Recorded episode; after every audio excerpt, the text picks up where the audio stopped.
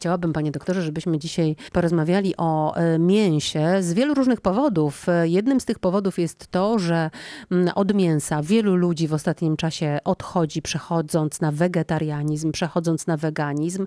Innym powodem jest to, że pojawiają się co i róż badania, które mówią, że jedzenie w dużych ilościach mięsa nie jest dobre dla naszego zdrowia, a to pojawiają się informacje, że w tym mięsie mogą być różne substancje, czy też farmaceutyki typu antybiotyki.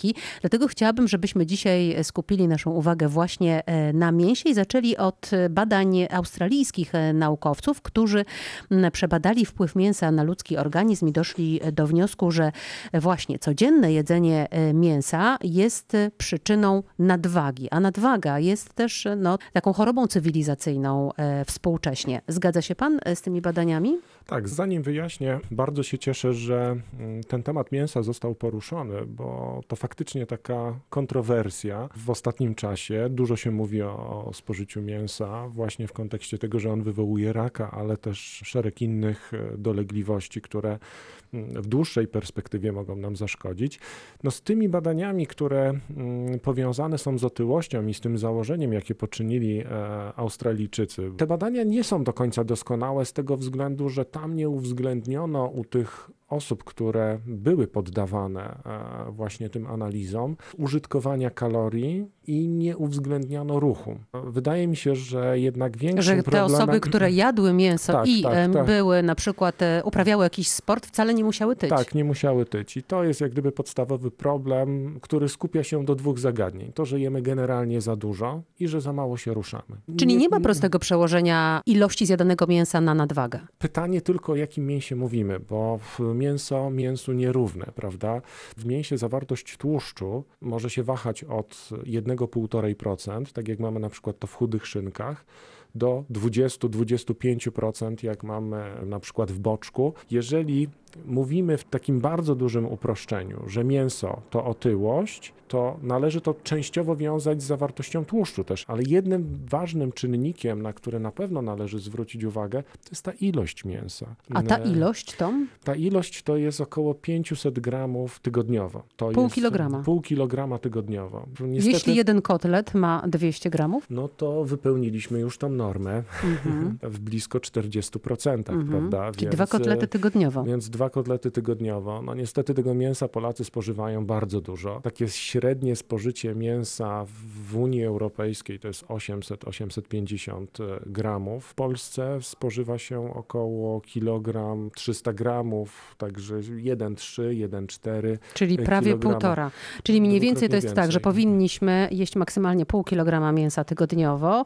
W Unii e, średnia to 800 gramów, czyli niespełna kilogram, a w Polsce średnia to prawie półtora. Tak.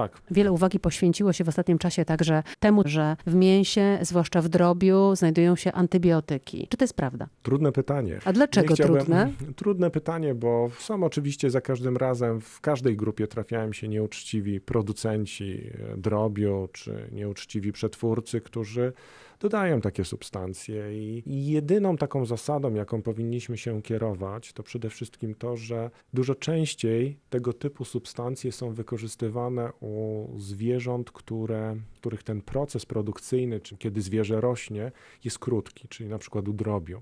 Czyli niestety Czyli w kurczakach. Tak, niestety w kurczakach. Normalny taki czas odchowu ptaków to jest 6-8 tygodni. No zawsze chodzi oczywiście o pieniądze, bo za pomocą dodawania określonych substancji ja ten czas mogę skrócić o 2 czy 3 tygodnie. To zarabiam więcej. To zarabiam więcej w ciągu roku. Oczywiście kupując mięso sprawdzonych źródeł, producentów uznanych na rynku, które są certyfikowane, jeżeli duży producent deklaruje na opakowaniu, że jego mięso jest wolne od antybiotyków albo jakichkolwiek innych substancji, to to jest prawda, bo on ma bardzo dużo do stracenia. Jeżeli ktoś go złapie, że w jego wyrobach e, takie substancje będą identyfikowane, to jemu się to nie opłaca. To jemu zwyczajnie się to nie opłaca. My teraz mówimy o tym, co w mięsie ewentualnie może się e, z różnych powodów e, znajdować i w jaki sposób sprawdzić właśnie wiarygodność producenta, ale zaczęliśmy naszą rozmowę od tego, że wiele osób rezygnuje z mięsa, ponieważ mówi się, że ono no, w tej większej ilości może być niebezpieczne dla zdrowia. I teraz chciałabym pana zapytać właśnie o to. Niebezpieczne jest dla zdrowia zdrowia, to znaczy co? Po pierwsze, należy rozróżnić, czy spożywamy mięso, które sami sobie przygotowaliśmy w formie na przykład pieczeni, czy spożywamy spore ilości wędlin, do produkcji których wiadomo, że stosuje się całą masę najróżniejszych substancji takich dodatkowych. Jedną z takich substancji jest azotyn sodu. On spełnia funkcję konserwantu. On ma nas zabezpieczyć przed wzrostem Clostridium botulinum. To jest taka bakteria, która określona jest też mianem pałeczki jadu kiełbasianego. W latach 60., 70., gdzie nie było takich standardów produkcji żywności jak obecnie, jednak bardzo dużo osób umierało, bo jad kiełbasiany to jest silna neurotoksyna, która paraliżuje między innymi mięśnie, między innymi również te, które są odpowiedzialne za oddychanie. Na obecną chwilę o tym się nie mówi. Mnie troszkę, nie ukrywam, drażni, jak za każdym razem ktoś pokazuje mm, przetwory mięsne i ten azotyn jest napiętnowany. Pytanie, co by było, gdybyśmy z tego azotynu zrezygnowali? Proszę mi wierzyć, ja też chciałbym spożywać żywność bez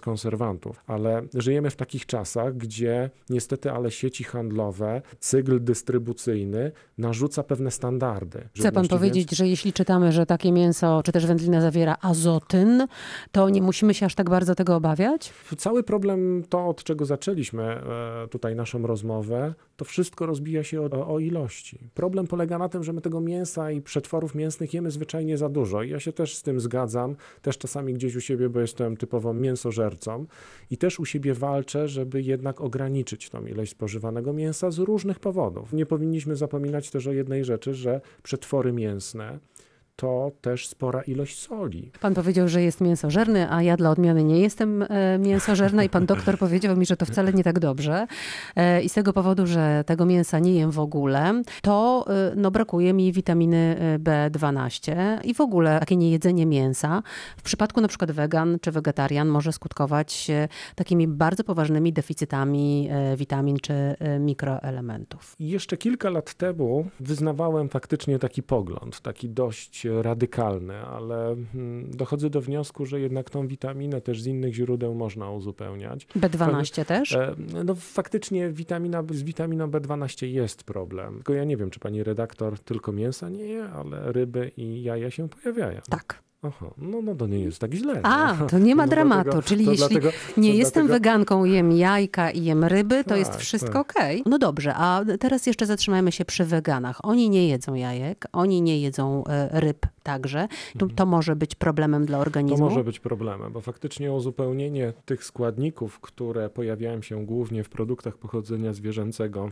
z roślinnych, no jest niezwykle trudne i może rodzić deficyt. Sporo mówi się także na temat tego, że jedzenie mięsa zakwasza organizm. Zakwaszanie organizmu to też jest y, ostatnio taki dość częsty temat. Co to znaczy zakwaszanie organizmu? Czy rzeczywiście y, to y, jedzenie mięsa zakwasza organizm? Jedzenie mięsa zakwasza organizm, ponieważ w mięsie występują takie pierwiastki, które jak gdyby powodują ten proces. Generalnie, jeżeli spożywamy dietę, która obfituje zarówno w produkty pochodzenia zwierzęcego. Jedynym takim produktem pochodzenia zwierzęcego, który alkalizuje, jest mleko. Natomiast wszystkie inne produkty pochodzenia zwierzęcego zakwaszają organizm.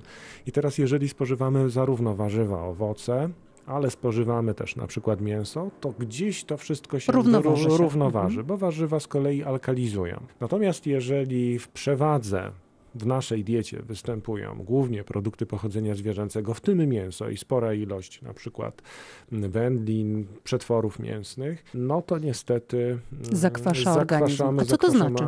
To, to oznacza, że pH naszej krwi utrzymywane jest na pewnym stałym poziomie. Mamy coś takiego we krwi, co przeciwdziała tym zmianom e, pH niezależnie od tego, czy jemy posiłki Co kwaśne, jemy? czy mhm. jemy zasadowe. Czyli się tak, krew sama broni. Tak, tak. E, natura nas e, zabezpieczyła przed tym, ale jest coś takiego jak, to się nazywa bufor.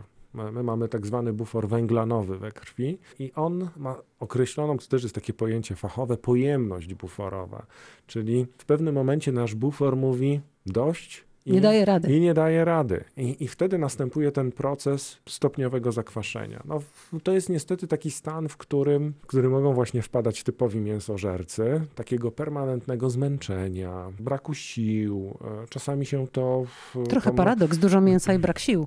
Tak, tak. I to w takiej perspektywie czasu może dłuższej, jeżeli to trwa, prowadzić do określonych schorzeń. Czyli pierwszym sygnałem, e, który może się dowodzić tego, że jemy za dużo mięsa i nasz organizm tego, e, mówiąc kolokwialnie, e, już nie dźwiga, mhm. to jest właśnie to takie osłabienie, przemęczenie. Tak, tak takie przemęczenie. Czasami może się to też objawiać stanem skóry. Skóra po prostu staje się taka szara, nie jest promienna. To też się pojawia w diecie białkowej, czyli wtedy kiedy dominują produkty takie właśnie białkowe i mięsa, a eliminujemy warzywa, prawda, bo nie zależy nam wtedy na, węg na węglowodanach, no to właśnie panie to, co szczególnie zauważają, to to, że nagle cera nie jest już taka cudowna, większa ilość make-upu, większa ilość podkładu, prawda? Szczupła jestem, no dobrze, ale... dobrze, dobrze, dobrze. To, to, to dzisiaj na obiad u pana e, goloneczka, czy może jednak sałatka po tych doniesieniach na temat mięsa?